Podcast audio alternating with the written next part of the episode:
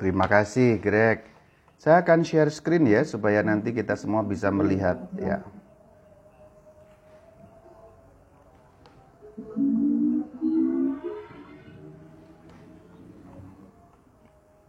Mana share screen saya? Share. Kasih feedback apakah terlihat dan suaraku terdengar? Jelas. Uh, jelas ya, oke. Okay. Apakah sudah muncul full? Sudah muncul, oh belum full masih. Oke, sudah. Suara terdengar jelas, Greg? Sudah, sudah. Oke, okay, baik. Langsung saya mulai kalau begitu. Baik semuanya, Shalom Alaikum, Alaikum Shalom. Tema kita malam hari ini adalah sejarah misa, selayang pandang penelusuran historis. Jadi kita akan membahas secara historis. Historis artinya menurut kesejarahan seperti apa misa kita, terutama misa yang dimaksud di sini adalah misa dalam ritus barat, terutama khususnya ritus Latin dan lebih fokus lagi ritus Roma. Karena ritus Latin lebih luas, ritus Roma itu lebih kecil daripada ritus Latin. Kita akan mulai pertama dengan melihat dasar Alkitabnya. Kita mulai dari sini dasar Alkitabiah. Adanya misa itu sebenarnya apakah ada landasannya dalam Alkitab atau ini karangan gereja Katolik saja? Nah, kita akan lihat. Dalam Injil Matius 26 ayat 26 bunyinya seperti ini. Dan ketika mereka sedang makan, Yesus mengambil roti, mengucap berkat, memecah-mecahkannya, lalu memberikannya kepada murid-muridnya dan berkata, Ambillah, makanlah, inilah tubuhku. Ayat selanjutnya, Sesudah itu ia mengambil cawan, mengucap syukur lalu memberikannya kepada mereka dan berkata, Minumlah kamu semua dari cawan ini. Kemudian kalimat ayat 28, Sebab inilah darahku, darah perjanjian yang ditumpahkan bagi banyak orang untuk pengampunan dosa. Ini menurut Matius, dalam Injil Matius. Bagaimana ceritanya pada perjamuan terakhir, Tuhan Yesus mengatakan tadi semua yang disampaikan dalam Injil Matius. Sekarang Injil yang kedua, Injil Markus. Markus 14 ayat 22. Dan ketika Yesus dan murid-muridnya sedang makan, Yesus mengambil roti, mengucap berkat, memecah-mecahkannya, lalu memberikannya kepada mereka dan berkata, Ambillah, inilah tubuhku. Sesudah itu, ia mengambil cawan, mengucap syukur, lalu memberikannya kepada mereka, dan mereka semuanya minum dari cawan itu. Dan ia berkata kepada mereka, Inilah darahku, darah perjanjian, yang ditumpahkan bagi banyak orang. Ini ayat yang terakhir dalam cerita Markus. Rupa-rupanya kalau kita perhatikan, antara Injil Matius dan Markus mirip, cukup mirip, bahkan sangat mirip. Namun ketika kita membuka Injil Lukas, masih mirip tapi ada tambahan. Ada, ada suatu tambahan di dalam Injil Matius yang tidak ada, eh, dalam Injil Lukas maksud saya, yang tidak ada dalam Injil Matius maupun Injil Markus. Kita lihat Markus 20, Lukas 22 ayat 19. Lalu ia, ianya Yesus, mengambil roti, mengucap syukur, memecah-mecahkannya dan memberikannya kepada mereka, katanya, inilah tubuhku yang diserahkan bagi kamu. Perbuatlah ini menjadi peringatan akan aku. Kata-kata perbuatlah ini dan seterusnya itu tidak terdapat dalam Injil Matius maupun Injil Markus. Tapi dalam Lukas ada. Lanjutannya, Demikian juga dibuatnya dengan cawan sesudah makan. Ia berkata, cawan ini adalah perjanjian baru oleh darahku yang ditumpahkan bagi kamu. Ada ciri yang khas Lukas, yaitu ada kata perbuatlah ini menjadi peringatan akan daku. Lakukanlah ini, itu tidak ada dalam dua Injil yang pertama. Sementara itu di dalam e, surat Paulus, yaitu surat pertama Korintus bab 11 ayat 23, itu juga ada kemiripan di sana dengan Injil Lukas. Sebab apa yang telah kuteruskan kepadamu telah aku terima dari Tuhan, yaitu bahwa Tuhan Yesus pada malam waktu ia diserahkan mengambil roti, dan sesudah itu ia mengucap syukur atasnya. Ia memecah-mecahkannya dan berkata, inilah tubuhku yang diserahkan bagi kamu. Perbuatlah ini menjadi peringatan akan aku. Ini mirip dengan yang ditulis dalam Injil Lukas. Perbuatlah ini menjadi peringatan akan aku. Namun ada plusnya juga surat Paulus. Ini karena di, diulang sampai dua kali. Artinya dua kali. Jadi ada pengulangan. Kalau di dalam Injil Matius tadi tidak ada hanya satu kali, tapi dalam Injil eh, dalam dalam surat Paulus itu diulang. Dalam surat pertama Korintus 11 ayat 25. Cawan ini adalah perjanjian baru yang dimeteraikan oleh darahku. Perbuatlah ini menjadi peringatan akan aku. Jadi masing-masing diberi ucapan. Pada saat memberikan tubuh Kristus, ada kata perbuatlah ini. Pada saat memberikan cawan atau piala yang berisi darah Kristus, perbuatlah ini. Maka kata perbuatlah ini menjadi jelas satu indikasi bahwa hal itu memang harus dibuat. Hal itu memang harus dilakukan berulang-ulang terus-menerus oleh para murid Kristus. Karena memang ada indikasi itu. Perbuatlah ini, perbuatlah ini. Bahkan sampai Paulus mengulang dua kali. Karena perkataan perbuatlah ini tadi, maka para rasul mengajarkan itu sehingga ini menjadi ajaran yang diteruskan. Kita tahu saudara-saudari, ajaran yang diteruskan di dalam bahasa gereja Katolik itu namanya tradisi suci. Tradisi suci itu ajaran yang diteruskan. Maka coba kita ulangi tadi, saya perbesar sekarang tulisannya. Surat pertama Korintus 11 ayat 23. Dengan saya beri tanda-tanda tebal dan beda warna. Sebab apa yang telah kuteruskan kepadamu, ya, apa yang telah kuteruskan, akunya di situ Paulus, tapi dalam hal ini juga para rasul yang lain, telah aku terima dari Tuhan. Jadi ini konsep tradisio itu begini. Tradisio itu kan begitu. Menerima dari Tuhan diteruskan kepada gereja, kepada jemaat. Maka Rasul Paulus dengan sangat jelas mengatakan, sebab apa yang telah kuteruskan kepadamu, telah aku terima. Jadi di situ para rasul yang diwakili oleh Rasul Paulus dalam pembicaraan ini telah meneruskan sesuatu yang diterima dari Tuhan, yaitu perjamuan terakhir tadi. Karena ada kata-kata perbuatlah ini. Maka mandat itu dilaksanakan. Karena diteruskan karena sudah diterima sebelumnya. Nah itu, Itulah yang disebut dengan tradisio, tradisio, penerusan ajaran. Maka sebenarnya di dalam gereja Katolik ada kesinambungan ajaran. Dan ini memang sangat khas gereja Katolik. Apa pun sebenarnya tidak hanya soal ekaristi, tidak hanya soal misa, apa pun dalam gereja Katolik selalu ada kesinambungan ajaran. Tuhan Yesus mengajarkan kepada para rasul, para rasul mengajarkan kepada gereja dan kita menerimanya dari gereja. Berarti kita nyambung kepada para rasul, nyambung kepada Yesus Kristus. Lakukanlah ini, perbuatlah ini. Maka dalam hal perayaan Ekaristi, dalam hal misa, itu sebenarnya para rasul hanya menerima dari Sang Kristus, kemudian para rasul melanjutkannya kepada kita. Bahasa Latinnya traditio itu melanjutkan itu. Maka di sini sebenarnya kita punya contoh mengenai tradisi suci. Kalau kita bicara mengenai ajaran Katolik kan kita itu banyak bicara mengenai tradisi suci sebenarnya. Banyak orang bicara tradisi suci, tapi kemudian ketika apa namanya diminta contohnya bingung. Ayo, apa itu contoh tradisi suci? Nah, sebenarnya contoh tradisi suci yang cukup gamblang, jelas adalah misa. Misa itu contoh tradisi suci yang sangat kuat yang punya akar dalam gereja awal. Maka kalau kita mengupas surat pertama Korintus bab 11 ayat 23 ini dua, dua hal langsung ada di sana. Ajaran tertulis jelas ada di sana, ajaran lisan juga jelas ada di sana. Maksudnya apa? Maksudnya memang ayat-ayat mengenai Ekaristi itu ada. Mandat mengenai Ekaristi itu jelas. Itu jelas dalam dalam tiga Injil tadi dan dalam surat pertama Korintus ini.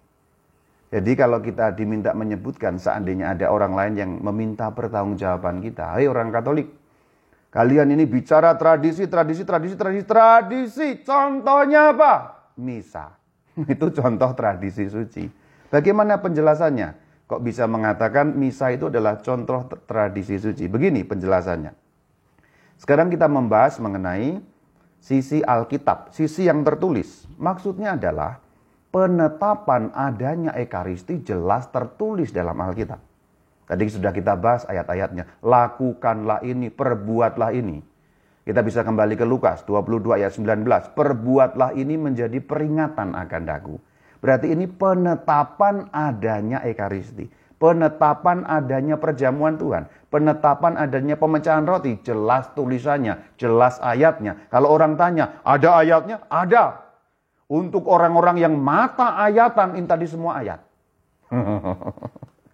Lalu sekarang yang kedua, ini juga contoh yang sangat kuat mengenai tradisi suci, tradisio.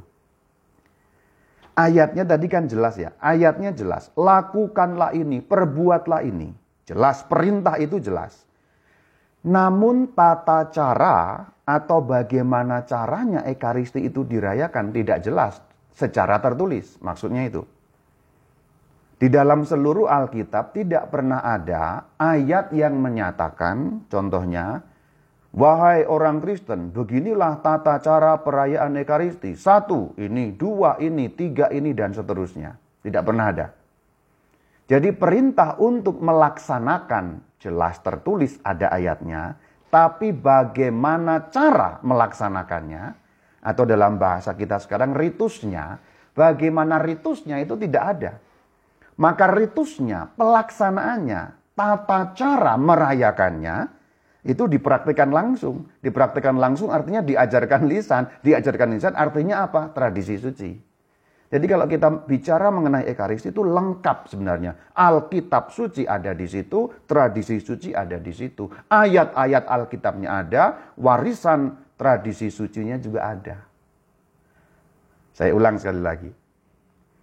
Berkaitan dengan Alkitab suci adalah ayatnya jelas. Perintah pelaksanaan Ekaristi itu jelas. Berkaitan dengan tradisi suci, pelaksanaannya, rinciannya bagaimana itu tidak jelas. Dan itu diwariskan secara lisan, secara praktik langsung lah kalau bahasa kita sekarang. Maka di sinilah titik tolak kita saudara-saudari. Titik tolak kita pada malam hari ini adalah mau mempelajari apa yang tidak tertulis dalam Alkitab itu. Bahwa di dalam Alkitab perintahnya jelas itu iya. Sudah tidak perlu diperdebatkan kecuali orang yang non-katolik meskipun pengikut Kristus yang sudah membuang misa itu soal lain dan itu urusan mereka bukan urusan kita. Padahal ayatnya jelas mereka membuang, terserah. Tetapi yang menjadi fokus pembicaraan kita bagaimana itu diteruskan. Bagaimana praktik langsungnya itu. Maka judulnya kan sejarah misa. Bagian awal ini perlu saya sampaikan sebab kalau tidak saya sampaikan maka orang bisa bertanya apakah betul bahwa Ekaristi punya dasar Alkitabiah. Jangan-jangan karangan. Nah itu saya sebelum ditanya begitu, saya paparkan di bagian depan. Ini fondasinya. Kita lihat sekarang pemecahan roti, ibadat utama Kristen perdana. Pemecahan roti itu nama lain untuk Ekaristi, nama lain untuk misa, atau lebih tepatnya begini. Pemecahan roti itu istilah untuk misa pada zaman para rasul. Jadi pada zaman para rasul istilah misa belum ada. Pada zaman para rasul istilah Ekaristi juga belum ada, perayaan Ekaristi juga belum ada. Sinaksis juga belum muncul. Yang sudah ada adalah pemecahan roti. Maka sebenarnya kalau saudara-saudari membaca Alkitab, terutama praksis apostolon atau kisah para rasul, nanti beberapa akan tertulis memecah-mecahkan roti atau pemecahan roti. Itu maksudnya Ekaristi. Dalam kepalamu harus tahu ketika membaca praksis apostolon alias kisah para rasul, Ketika muncul kata memecah-mecahkan roti, pikiran kita harus menerjemahkan merayakan Ekaristi. Merayakan misa. Nah itu, dalam arti seperti itu. Awal harus saya beri catatan supaya tidak menimbulkan salah. Yang nomor dua catatan yang lain, kata Kristen ini di Indonesia kan kacau. Maka kalau Anda mendengarkan Kristen dalam omonganku yang dimaksudkan bukan Protestan. Sebab orang di Indonesia kalau dengar kata Kristen pikirannya itu mengartikan Protestan. Bukan, itu Protestan. Kristen tuh ya yang asli-aslinya itu. Kan sebenarnya kalau mau lengkap kan Kristen Katolik, Kristen Protestan. Jangan dipotong Kristennya dong. Kalau mau adil kan Kristen Katolik disingkat Katolik. Kristen Protestan ya disingkat Protestan sebenarnya. Jadi ini catatan supaya orang tidak salah sangka dikira ngomongin toko sebelah. Enggak, nggak ngomongin toko sebelah, ngomongin tokonya kita sendiri, saudara-saudari. Karena Katolik itu ya asli-aslinya Kristen yang sejak zaman para rasul nyambung sampai hari ini. Ini catatan Karena beberapa istilah kalau tidak dijelaskan memang bisa menimbulkan salah paham. Apalagi di Indonesia ini tidak sedikit istilah-istilah salah kaprah. Lanjut. Kisah para Rasul 2 ayat 42. Mereka bertekun dalam pengajaran rasul-rasul dan dalam persekutuan. Dan mereka selalu berkumpul untuk memecahkan roti dan berdoa. Nah ini. Jadi kalau kita baca dalam kerangka pikir 2020, ayat ini akan berbunyi, mereka selalu berkumpul untuk merayakan Ekaristi. Diterjemahkan demikian. Memecahkan roti, merayakan Ekaristi. Kisah Rasul 2 ayat 46. Dan mereka dengan bertekun dan dengan sehati mereka berkumpul tiap-tiap hari di bait Allah. Mereka memecahkan roti di rumah masing-masing secara bergiliran dan seterusnya. Mereka memecahkan roti, berarti mereka merayakan misa. Dan di mana itu merayakan? Di rumah masing-masing. Kapan itu ada viral? Ya, untung belum terlalu viral, segera dihapus. Seorang Romo mengatakan, tidak bisa misa di rumah, ngaco itu. Tidak ada dasarnya. Kalau kita kembali ke praksis apostolon, kisah para rasul, justru memecahkan roti, merayakan misa di rumah masing-masing. Ya itu kan dulu Romo, iya betul, tapi hukum gereja sekarang pun masih membolehkan itu. Kalau kita membuka kitab hukum kanonik ya masih membolehkan di luar tempat suci itu saya sedikit menyimpang karena beberapa waktu yang lalu saya juga ditanya beberapa orang ada yang viral. Seorang Romo mengatakan tidak benar kalau misa di luar gereja. Waduh waduh wah. Ini udelnya ini mengajar dari udel bukan dari pikiran. Jadi mohon maaf ya Romo yang mengucapkan itu anda tidak tepat mengajarkan seperti itu apalagi kepada umat. Ya, kita kembali pada soal memecahkan roti. Kisah Rasul 20 ayat 7. Pada hari pertama dalam minggu itu ketika kami berkumpul untuk memecah-mecahkan roti dan di situ jelas yang memecah-mecahkan roti yang memimpin Paulus. Paulus berbicara dengan saudara-saudara di situ. Lalu dikatakan ayat 11, setelah kembali ke ruang atas Paulus memecah-mecahkan roti. Paulus apa? Merayakan Ekaristi. Jadi sampai di sini saya mau memberi suatu renungan, gerejamu merayakan Ekaristi apa enggak? Kalau gerejamu merayakan Ekaristi itu gereja yang sama dengan gereja perjanjian baru. Kalau gerejamu sudah tidak memecah-mecahkan roti itu gereja yang beda, saudara. Renungan saja, saya tidak menuduh. Saya juga tidak menghakimi, hanya ngecek saja. Kalau gereja perjanjian baru itu memecah-mecahkan roti, gerejamu memecah-mecahkan roti enggak gitu. Gereja saya, gereja Katolik memecah-mecahkan roti merayakan Ekaristi. Berarti gerejaku sama dengan gereja zaman para rasul. Paulus merayakan Ekaristi. Kami, saya merayakan Ekaristi. Berarti saya segereja dengan Paulus. Menyimpang sedikit supaya memberi peneguhan juga. Nah kita harus ingat bahwa pemecahan roti itu ekaristi. Itu sama, itu hal yang sama. Karena memang istilahnya itu memang berganti-ganti. Sejak zaman para rasul itu beda-beda. Ada yang menyebut perjamuan terakhir, ada yang menyebut sinaksis, ada yang menyebut pemecahan roti. Nanti abad kemudian muncul ekaristi, abad-abad kemudian lagi baru muncul misa. Nama atau istilah misa baru muncul belakangan. Itu dalam ritus latin sebenarnya. Dari kata terakhir dalam misa, ite misa es. Kalau istilah ekaristi sudah sejak zaman abad kedua pasca Rasul sudah muncul istilah Ekaristi itu. Pemecahan roti lama-lama hilang sebagai istilah sehingga kita tidak mengenalnya lagi atau tidak menggunakannya lagi. Bahkan hampir tidak pernah kita menggunakan istilah fraksio panis atau pemecahan roti. Tapi itu hal yang sama. Sama sebenarnya. Ketika kita membuka kisah para rasul, melihat Paulus memecah-mecahkan roti hanya ditulis singkat. Paulus memecah-mecahkan roti itu saja. Tadi ayat yang tadi itu ya. Kisah Rasul 20 ayat 11. Tidak dikatakan bagaimana rincian tata caranya. Tidak dijelaskan bagaimana cara melaksanakan ekaristi itu. Maka hanya diteruskan langsung. Maksudnya diteruskan langsung seperti apa? Ya Paulus mengadakan misa, ekaristi, umat melihat, umat diajari langsung bisa, lalu mereka sudah hafal, seterusnya seperti itu. Tetapi puji Tuhan, syukur kepada Allah, haleluya, bahwa ada seorang santo yang bernama Justinus Martir membuat suatu catatan saudara-saudari. Sehingga kita bisa tahu meskipun dalam Alkitab tidak ada catatan mengenai praktik ekaristi langsung, cara untuk merayakannya, maka sebenarnya Kita bisa melihat catatan setelahnya, saudara-saudari. Catatan setelahnya adalah catatan yang dibuat oleh Santo Justinus Martir. Kita lihat, ini saya kutip dari KGK atau Katekismus Gereja Katolik. Dan Justinus Martir ini menulis tahun 155.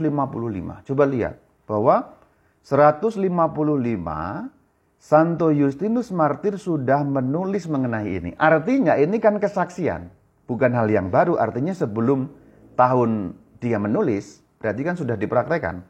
Dan ini tahun yang dekat sekali dengan zaman para rasul. Kalau kita lihat rasul terakhir ya 90-an Rasul Yohanes ini juga dekat sekali dengan zaman para rasul. Jadi mata rantainya itu sangat bisa dipertanggungjawabkan. Saya mengutip mengutip teksnya dari KGK 1345.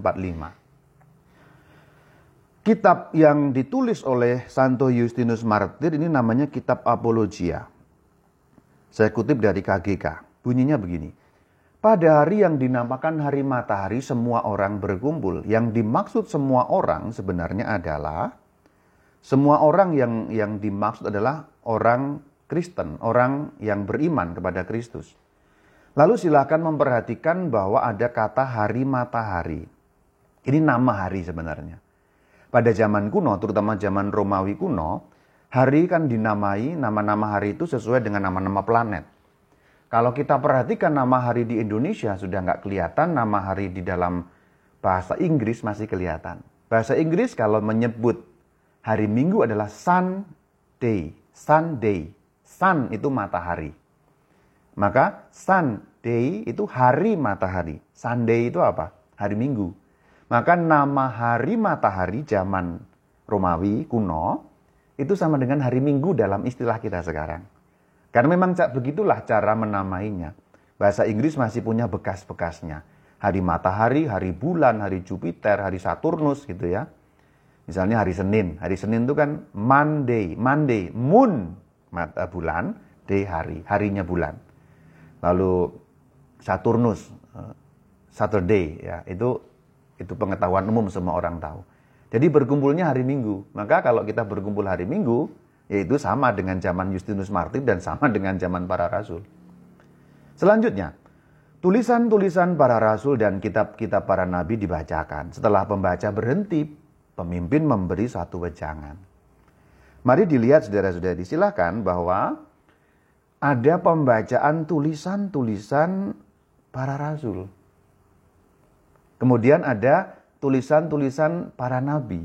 Jadi ada dua hal di situ. Tulisan para rasul itu tulisan baru sebenarnya. Tulisan yang belakangan muncul, muncul. Tulisan para nabi, tulisan yang lebih lama. Itu kan maka perjanjian baru dan perjanjian lama sebenarnya dibacakan. Tulisan para rasul itu juga mencakup Injil tentu saja. Karena Matius kan tulisan para rasul, Yohanes tulisan para rasul. Jadi ada pembacaan. Ini bukankah sama dengan pembacaan Injil, pembacaan bacaan pertama, pembacaan bacaan kedua seperti yang kita alami sekarang. Setelah pembaca berhenti, pembaca itu lektor dalam bahasa Latin. Setelah lektor berhenti, pemimpin-pemimpin perayaan Ekaristi tadi memberi wejangan. Ini homili. Kita masih mengenali ritus-ritus itu. Jadi hari Minggu berkumpul, kemudian dibacakan pembacaan kitab-kitab, setelah itu memberi suatu wejangan atau suatu homili bahasa kita. Sesudah itu kami semua berdiri melambungkan doa ke surga. Kami yang dimaksud itu umat. Jadi umatnya berdiri, umatnya berdoa. Kita masih kenal ritus ini, tata cara ini.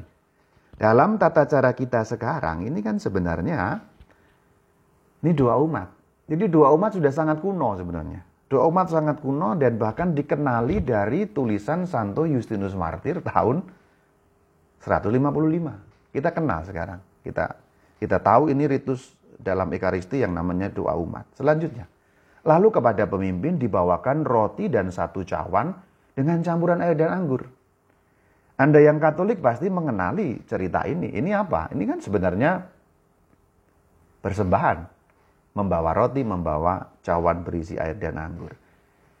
Kemudian pemimpin mengambilnya, melambungkan pujian dan syukur kepada Bapa semesta alam atas nama Putra dan Roh Kudus dan menyampaikan ucapan terima kasih. Ucapan terima kasih atau syukur itu bahasa Yunaninya Eucharistia. Pujian, puji syukur, ucapan terima kasih. Maka Ekaristi itu ucapan terima kasih. Ekaristi itu bersyukur, ucapan syukur. Jadi istilah Ekaristi berasal dari istilah ini. Jadi pemimpin menyampaikan Ekaristi. Arti harafiahnya itu mengucap syukur itu. Jadi sebenarnya kita juga kenal ritus ini. Pemimpin mengambilnya. Yang dimaksudnya tadi adalah roti dan anggur tadi. Kemudian berdoa. Kita mengenal di dalam bahasa Indonesia doa syukur agung. Bahasa yang lebih umum anafora. Yang lebih khusus kanon namanya untuk bahasa latin.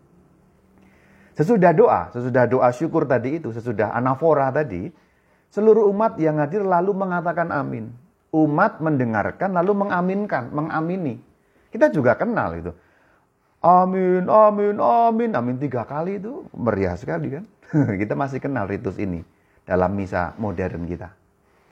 Berikutnya, setelah pemimpin menyelesaikan ucapan terima kasih, para diakon membagi-bagikan kepada setiap orang yang hadir roti yang telah diberkati dengan penuh syukur. Namanya Ekaristi, maka rotinya roti Ekaristi. Roti yang diberkati dengan Ekaristi, roti Ekaristi dan anggur yang telah dicampur dengan dengan air. Kita tahu ini komuni, penerimaan roti ekaristi. Ini komuni sebenarnya. Lalu bagian terakhir ini mengejutkan, tahun 155 loh ini ditulis. 155 Masehi. Dan membawakannya juga untuk mereka yang tidak hadir. Dalam arti ada halangan karena sakit misalnya. Jadi membawakannya membawakan komuni. Jadi kebiasaan mengantarkan komuni untuk mereka yang tidak bisa merayakan Ekaristi itu sudah ada dari abad kedua. Luar biasa sebenarnya. Jadi kebiasaan itu bukan kebiasaan baru, bukan kebiasaan karangan, namun punya akar dalam sejarah iman Kristen. Ini jelas. 155 loh ini. Kita mengenali itu semua saudara-saudari, sebagai suatu ciri umum yang terlihat sinambung dengan misa kita zaman sekarang. Silakan tadi diingat-ingat lagi dan di apa dibayang-bayangkan lagi bagaimana urutannya tadi itu. Kalau kita membaca tulisannya Justinus Martir, mau tidak mau kita langsung ingat itu memang perayaan Ekaristi dan sama dengan yang kita rayakan sekarang. Sama dalam arti ciri umum ya. Dalam rincian tentu akan ada perbedaan, tetapi ciri umum sebagai suatu struktur mendasar, struktur yang lebih general itu sama. Sinambung, ada kontinuitas dengan misa yang kita rayakan pada sekarang ini. Kita nyambung sekarang pada pembahasan dari abad pertama sampai keempat. Saya beri judul kesatuan liturgi. Kita lihat peta ini dulu. Silakan melihat peta itu. Itu gambar peta apa? Itu gambar peta wilayah Kekaisaran Romawi, Imperium Romanum pada abad pertama. Pada abad pertama, tidak dapat dipungkiri bahwa para rasul itu bergerak di wilayah Romawi.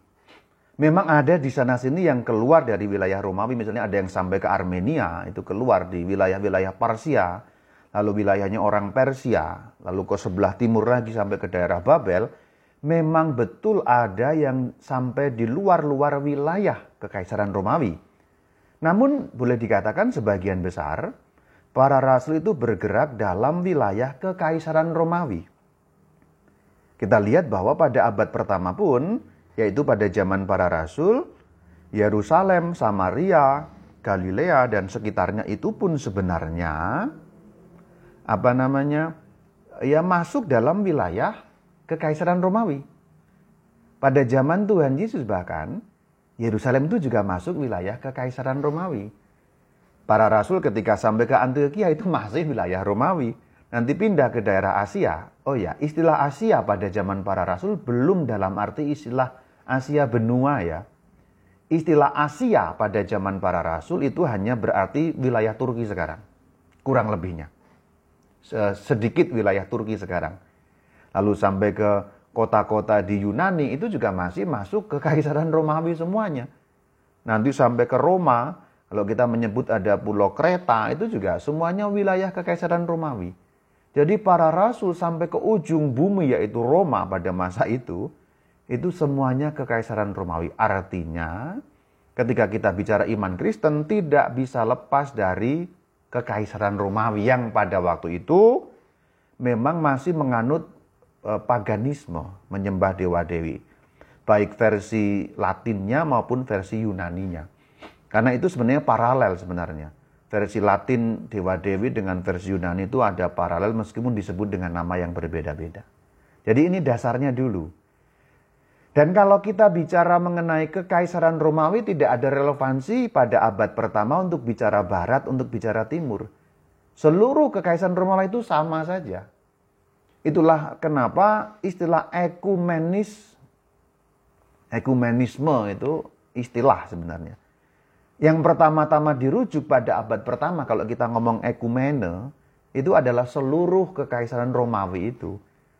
Maka kalau kita bicara mengenai konsili ekumenis, itu sebenarnya bukan berarti seluruh gereja. Artinya awalnya landasan berpikirnya kita harus mengatakan bahwa konsili ekumenis sebenarnya adalah konsili seluruh kekaisaran Romawi atau seluruh orang Kristen yang pada waktu itu tinggal dalam wilayah kekaisaran Romawi. Itu arti dasarnya itu sebenarnya. Ketika orang bicara ekumenis, ekumenis, ekumenis itu awal mulanya berarti itu jadi ekumene itu seluruh wilayah Romawi itu. Maka apa relevansinya ngomong ini? Kita relevansinya begini. Maka kalau kita bicara mengenai wilayah yang utuh satu dan semua itu Romawi, tidak ada pembagian geografis dan politis. Bahkan kerajaan Romawi pun pada waktu itu juga tidak terbagi secara politis. Ya semuanya satu. Semuanya diperintah dari Roma. Meskipun ada dalam provinsi-provinsi, tetapi semuanya ya sama. Istilah yang dipakai ya sama, bahasa yang dipakai ya sama. Mereka semua menulis bahasa hukum dalam bahasa Latin contohnya. Jadi timur barat sampai abad keempat atau sekurang-kurangnya awal abad keempat, tahun 300-an sekian awal itu tidak relevan. Kita tidak relevan bicara timur dan barat sampai abad keempat. Itu nonsens. Bicara timur, bicara barat itu tidak ada relevansinya sampai abad keempat. Maka sebenarnya kalau kita bicara liturgi itu juga tidak relevan. Kalau omong liturgi pembagian rumpun lalu nanti ada liturgi Latin, liturgi yang Yunani itu tidak punya relevansi sampai abad keempat. Jadi tidak ada liturgi barat, tidak ada liturgi timur sampai abad itu. Karena kerajaannya pun, kekaisarannya pun juga satu. Jadi tidak ada relevansi ngomong barat timur sebenarnya. Dan ini dapat dipertanggungjawabkan kata-kata saya ini. Banyak ahli banyak ahli liturgi misalnya bisa kamu cek bagaimana mereka mengatakan itu. Tapi kemudian ketika belum ada pembagian timur dan barat lalu apa liturginya? Ya hanya satu liturgi, liturgi Kristen begitu saja. Jadi tidak ada rumpun liturgi, hanya ada satu-satunya liturgi. Maka sebenarnya seluruh orang Kristen di dalam kekaisaran Romawi dan beberapa yang di luar juga, di Armenia, contohnya di Persia, di Babilonia, itu mereka merayakan satu liturgi yang sama. Maka inilah masa kesatuan liturgi. Jadi kalau kita bicara abad pertama sampai abad keempat itu kita bicara zamannya kesatuan liturgi. Namun kalau kita bicara kesatuan pada masa ini jangan dianggap literal. Jadi bukan dalam arti satu betul-betul seragam sampai kepada detil-detil dan rincinya itu tidak. Tidak ada rumpun liturgi itu betul. Tidak ada ritus-ritus barat ataupun timur itu betul. Semuanya satu yaitu liturgi Kristen tapi bukan dalam arti literal. Karena pasti pengaruh setempat itu ada. Kenapa ada pengaruh setempat? Ya karena memang agama Kristen pada masa itu berkembang mulai dari kota-kota besar, kemudian kota-kota sekitarnya itu terpengaruh. Kita tahu kan sejarahnya mulai dari Yerusalem, kemudian pindah ke Antioquia, kemudian pindah lagi ke Roma, ada yang nyambung ke daerah Egyptus atau Mesir, itu Alexandria. Maka pada abad pertama sampai abad keempat boleh dikatakan empat kota ini Meskipun Yerusalem agak menurun atau surut karena memang mengalami kehancuran dan penyerbuan oleh orang Romawi. Maka boleh dikatakan empat atau tiga. Tiga itu mana? Roma, Antioquia, Alexandria. Maka kalau kita bicara teologi pun itu ada dua masa besar, Masab Antioquia, Masab Alexandria. Ada sekolah Antioquia atau sekolah Alexandria. Kalau kita bicara mengenai masa pada zaman-zaman kuno itu. Liturginya pun demikian. Liturgi yang dipengaruhi Antioquia, liturgi yang dipengaruhi Alexandria, liturgi yang dipengaruhi Roma. Dan secara alamiah, kota-kota yang berdekatan ya mencontek, mencontoh, menjadikan uh, model itu kota-kota yang terdekat tentu saja. Kurang lebih yaitu alamiah lah. Kota-kota di Italia Utara ya kurang lebih ya mencontoh Roma kan gitu. Kota-kota di sekitar Antioquia, di Armenia, di Asia Kecil, di Kapadokia ya Antioquia. Karena Yerusalem berdekatan dengan Antioquia maka itu saling mempengaruhi. Maka ritus Yerusalem boleh dikatakan tidak ada juga karena kemunduran kota itu, karena penyerbuan, maka boleh dikatakan ritusnya juga ritus Antioquia. Jadi ini kota-kota yang berpengaruh. Kota Roma, Antioquia, Alexandria, Yerusalem dengan dengan hal sedikit ya. Lalu menciptakan ciri umum sebenarnya. Artinya apa? Meskipun kota-kota ini berpengaruh dengan kekekasan masing-masing, ada kekasannya khas ada misa di Roma, ada misa di Antioquia, misa di Alexandria, ada punya kekasan, tapi punya ciri umum yang sebagaimana ditulis oleh Santo Justinus Martir tadi. Ada karakter general. Boleh dikatakan ya tiga-tiga begitulah kalau kita bagi. Pembacaan tulisan, lalu wejangan umat berdoa. Tiga hal pertama. Kemudian tiga hal yang kedua, persembahan roti anggur, pemimpin berdoa dan umat mengamini, lalu penerimaan roti ekaristi. Tiga yang pertama kita mengenali masa sekarang sebagai liturgi sabda. Tiga yang ke kedua kita mengenalnya dalam liturgi ekaristi kan begitu. Ya. Ini ciri umum. Jadi meskipun kita bisa mengatakan ada liturgi yang khas Antioquia, ada yang khas Roma, ada yang khas Alexandria, tetapi ciri umum itu dapat dipertahankan. Dan itu misa yang sama, liturgi yang sama. Beberapa contoh dapat kita sampaikan, jadi ada karakter umum tapi juga ada beberapa yang khas. Contohnya anafora. Anafora itu doa pemimpin atau doa syukur agung dalam bahasa kita sekarang. Contohnya misalnya di Dake itu punya versi sendiri dari anafora. Hippolytus punya anafora sendiri, Serapion punya anafora sendiri. Hippolytus lalu kemudian juga punya pengaruh di Roma, di Dake punya pengaruh di Antioquia, Serapion punya pengaruh di Alexandria. Kurang lebihnya begitu. Meskipun sebenarnya saling mempengaruhi. Kita lihat contohnya anafora. Saya nggak akan bacakan ini anaforanya di Dake. Itu saya tampilkan di layar. Anaforanya di Dake seperti itu. We thank you, our Father, for the holy, ya, menyebut David, uh, Daud, your servant, ya, dan seterusnya dan seterusnya. Ini anaforanya di Dake. Berikutnya ini anaforanya Hippolytus. We give you thanks to you God. Tidak menyebut David ya, tidak menyebut Daud. Lalu, lalu menyebut uh, son, your son, your beloved son, Jesus Christ ya, dan seterusnya.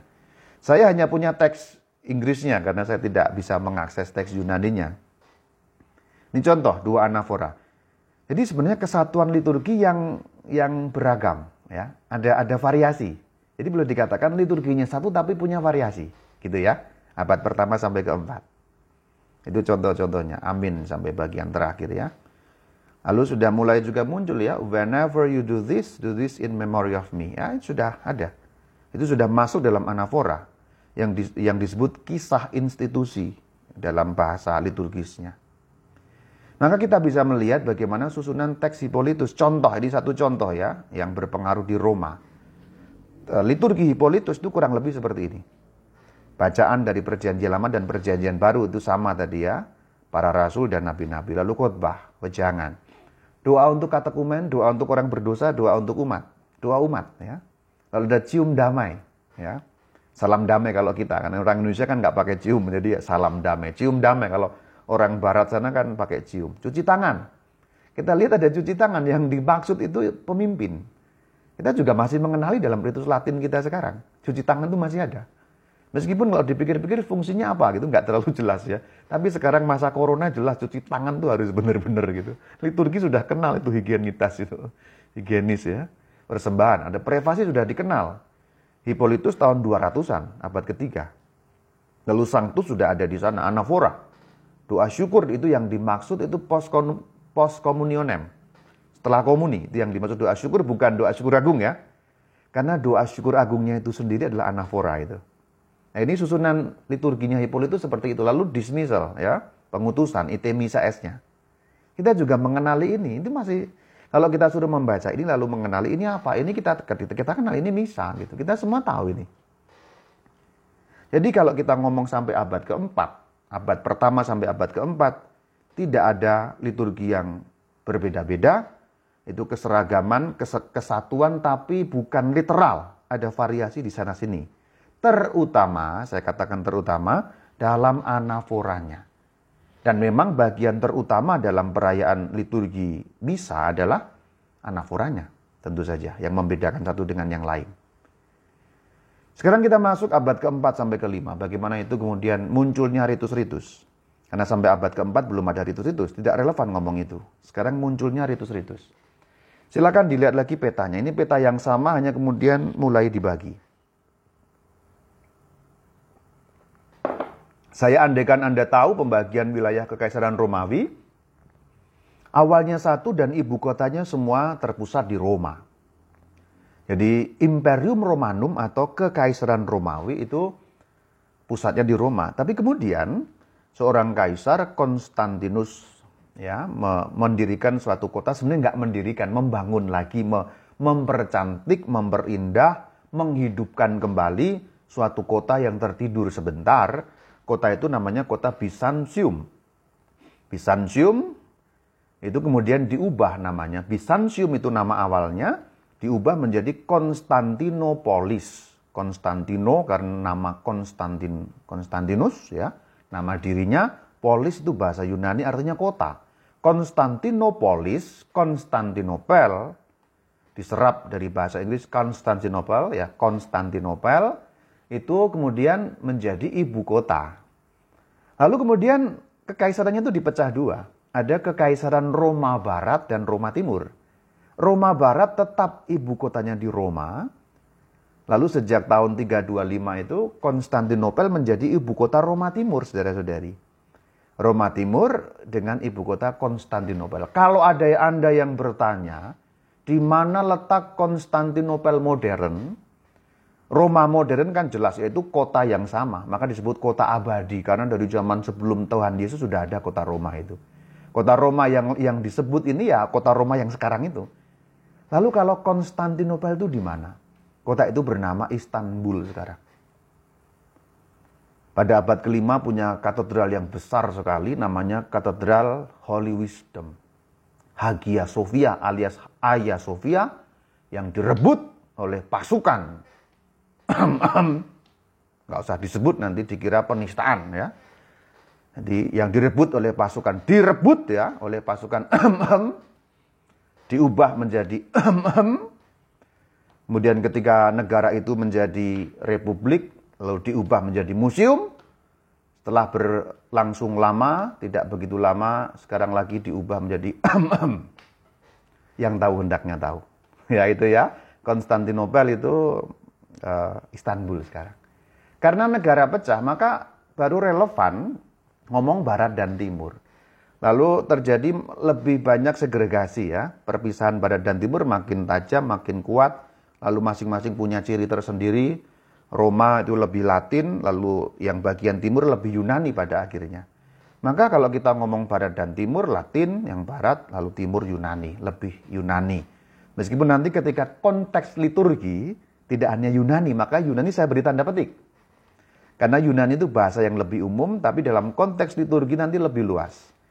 Jadi setelah abad keempat sebenarnya, atau tepatnya setelah tahun 325 ini dengan pendirian kota Konstantinopel dengan pendirian Romawi Timur baru relevan ngomong Barat dan Timur, Romawi Barat, Romawi Latin, Romawi Timur, Romawi Yunani atau kalau kemudian dikenakan dalam liturgi, liturgi Latin, liturgi Yunani. Secara umum boleh dikatakan begitu meskipun kata Yunani harus diberi tanda petik karena itu kan ada lebih lebih lebih banyak bahasa yang di timur.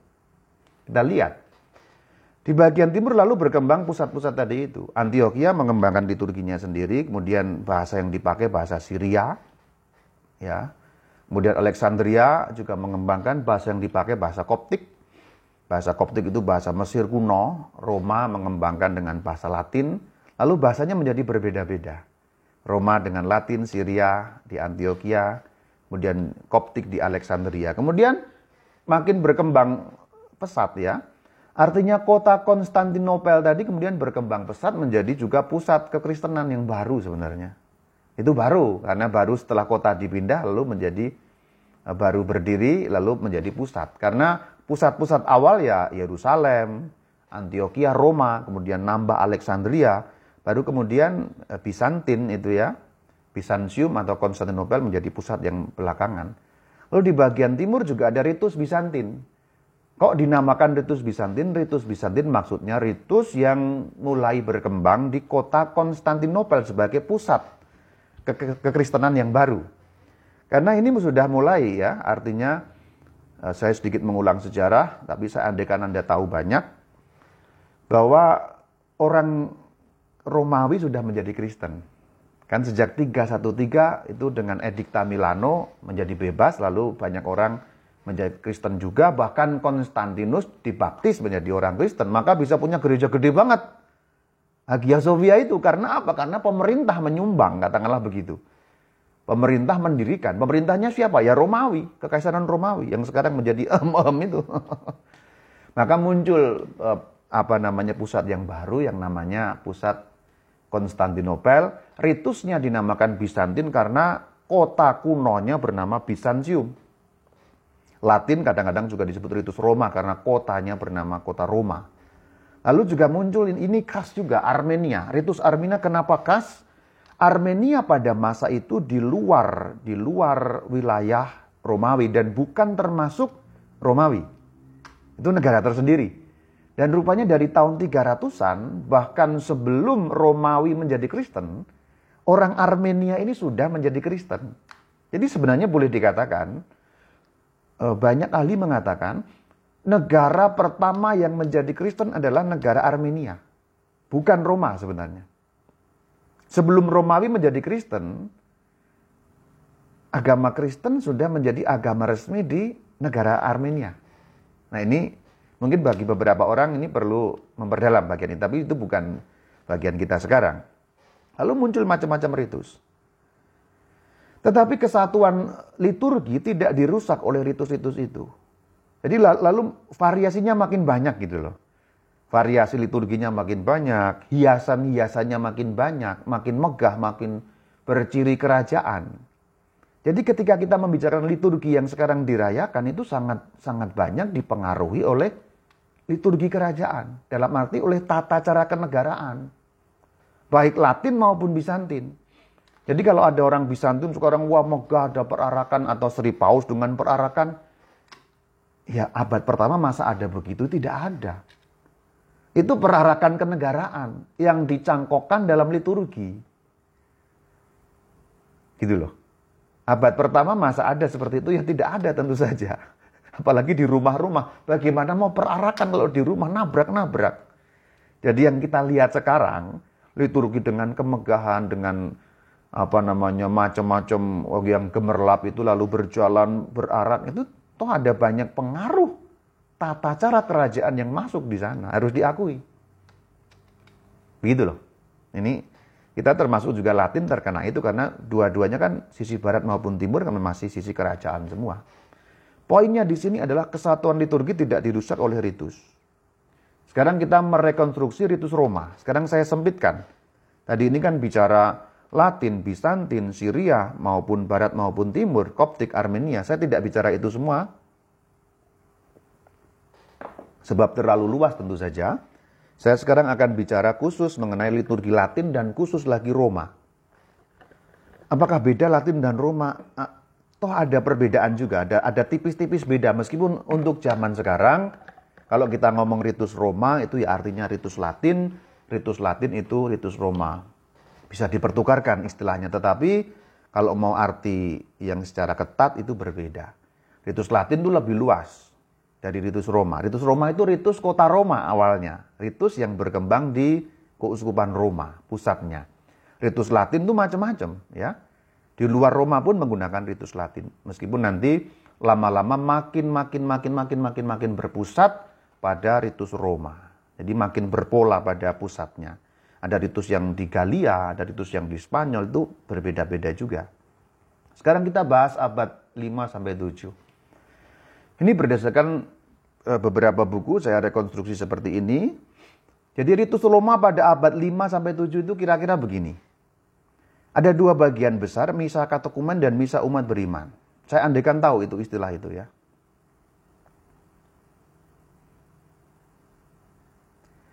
Di bagian pertama, misa katokumen, kita bisa lihat susunannya, litani atau kiria itu di bagian awal.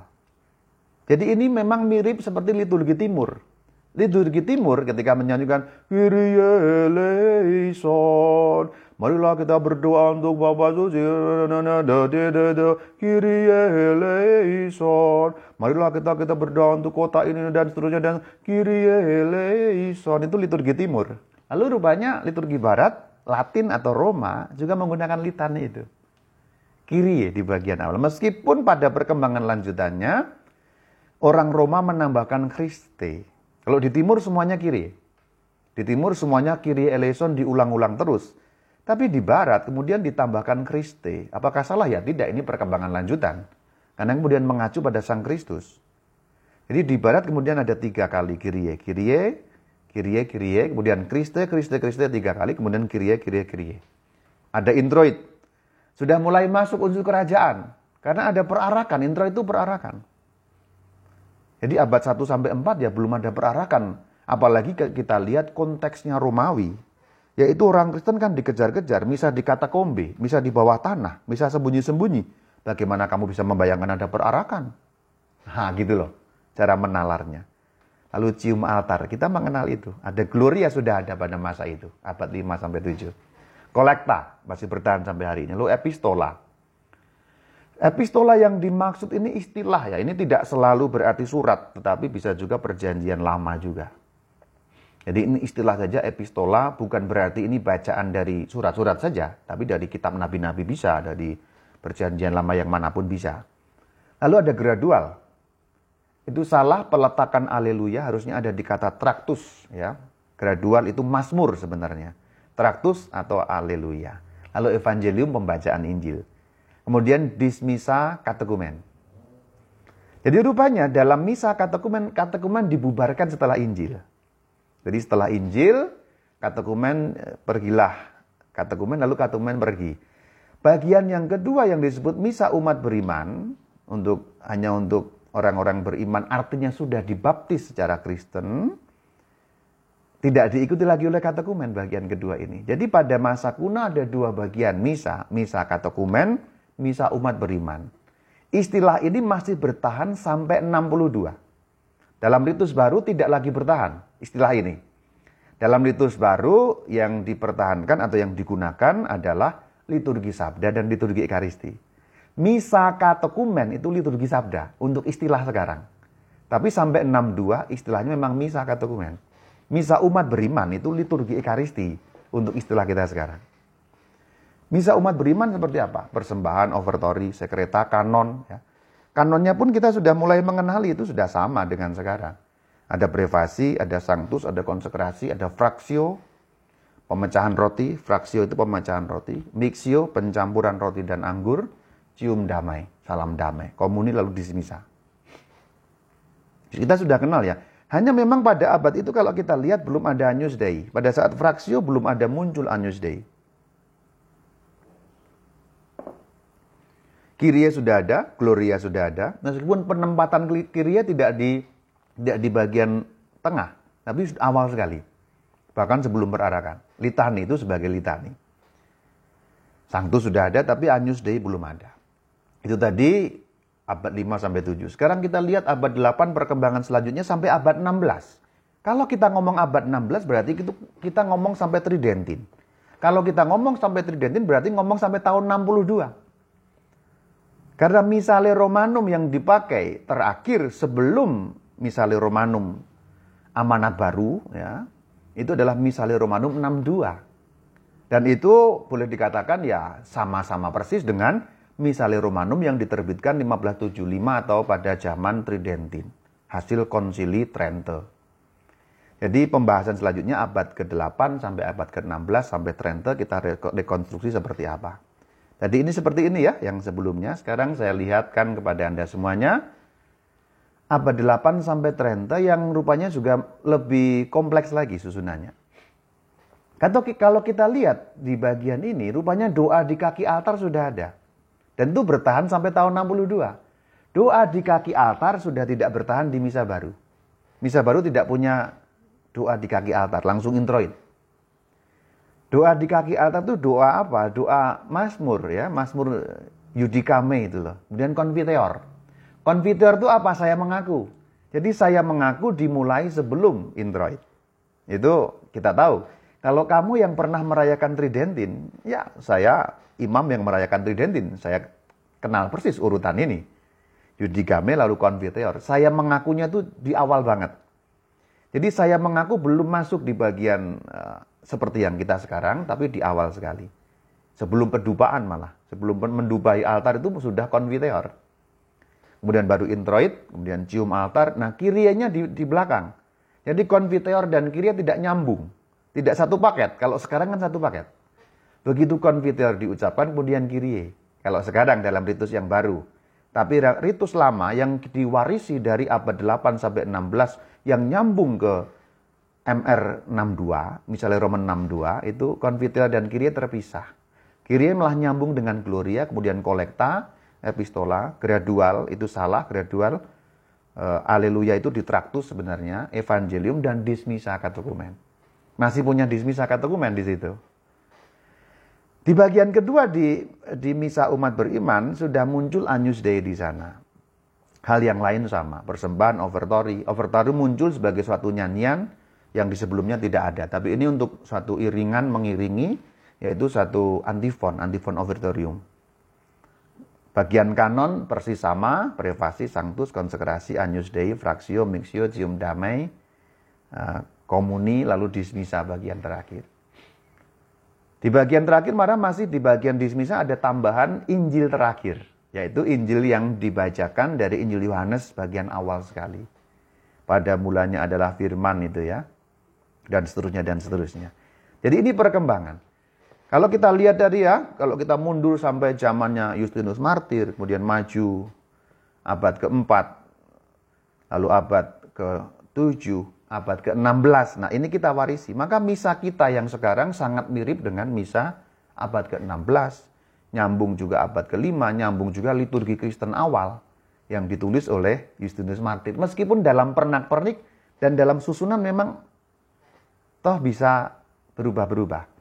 Tapi inti dasarnya sama. Dua hal tadi itu ya.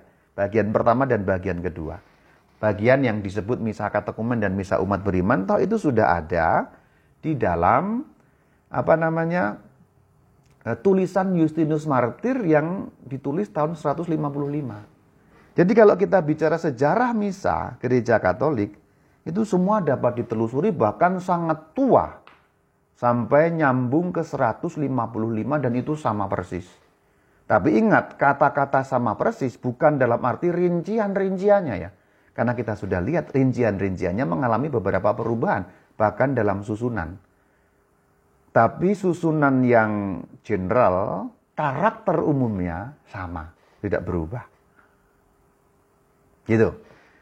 Maka kita sampai pada penghujung acara, semoga dapat menyimak ya sejarahnya itu.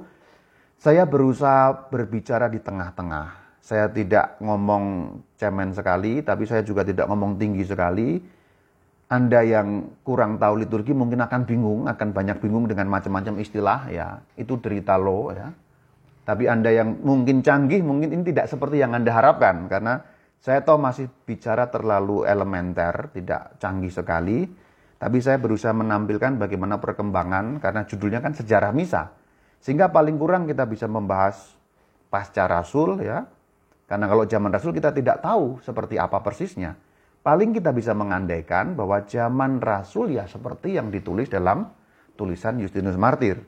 Kemudian kesatuan liturgi Kristen ketika kerajaan masih bersama-sama. Kemudian setelah pecah lalu muncul pusat-pusat. Lalu sampai abad ke-7 perkembangan selanjutnya sampai abad 16 Tridentin yang kita warisi sampai 62. Sampai kemudian muncullah liturgi misa baru ya, liturgi misa baru yang kita kenal sekarang kalau menurut istilah Papa Ben istilahnya kan bukan misa baru ya, bukan Novus Ordo ya, istilahnya bukan itu. Saya kok lebih cenderung mempopulerkan istilah yang disampaikan Papa Ben ya, meskipun banyak orang beberapa nggak setuju pakai Novus Ordo ya, monggo silakan. Saya tidak keberatan, tapi kalau saya lebih suka FO dan FE gitu ya, memberi istilah itu seperti yang ditulis dalam tulisannya Papa Ben, lebih lebih lebih asik gitu sebenarnya karena menekankan dua penggunaan itu ya. Forma ordinaria dan forma extraordinaria. Ritus 62 itu forma extraordinaria, lalu ritus 70 atau 69 yang sekarang kita warisi ini atau kita rayakan kebanyakan ini ya itu ordinaria yang umum dirayakan. Toh kita masih melihat kesinambungannya. Bahkan sebagai imam ini bagian terakhir sharing, ini bukan pengetahuan tapi ini sharing. Sebagai imam yang merayakan FO dan FE secara simultan ya, saya merasakan toh ya dua ini sama gitu. Sejauh, saya katakan sejauh ya, sejauh FO dirayakan seperti gereja memaksudkannya. Kalau FO dirayakan seperti orang mengacak-acaknya ya lain ya. FO dan FO itu dua hal yang yang tidak tidak berbeda. Sejauh FO dirayakan seperti gereja memandatkannya kepada kita. Termasuk misalnya gereja masih memandatkan bahwa nyanyian utama itu kan Gregorian contohnya ya. Nyanyian utama itu itu ya bukan cak dung cak dung bukan itu ya. Itu contohnya. Jadi sejauh FO dirayakan seperti gereja memaksudkannya itu hal yang sama. Graduale coba dinyanyikan ya. Kalau graduale Romanum nggak bisa, graduale simplex. Kalau itu dinyanyikan, Anda ikut misa, Anda nggak tahu ada di FO atau di FE kok. Apalagi kalau saya pakai Kasula Roma ya. Kasula Roma saya sering pakai juga. Umat saya di Indramayu itu lebih kaya sekarang lihat bireta. Saya kadang-kadang pakai bireta juga gitu. Biar biar lihat gitu. Kadang-kadang saya pakai yang model kasula Roman ya. Kadang-kadang saya pakai yang model monastik yang agak lancip ke situ. Saya punya beberapa model kasula yang saya pakai ganti-ganti. Lalu yang keemasan-keemasan pada zaman kuno kan begitu. Sekarang ini kan agak simpel ya, polos. Apakah salah ya nggak salah hanya kok terlalu simpel gitu. Semua polos, merah-merah polos. Tapi pada masa tahun 60-an kan nggak begitu sebenarnya ada apa ya nobelnya. Nggak harus mahal. Saya bikin juga nggak mahal-mahal. Kalau dikasih duit sama umat saya belikan kasula saya bikin itu bagus kok. Ada emas-emasnya merah emas itu bagus gitu. Ada kuning emas itu bagus. Jadi barusan sharing untuk mengatakan FO dan FE toh itu seperti dua sisi dalam mata uang. Terima kasih. Sampai di sini. Shalom alaikum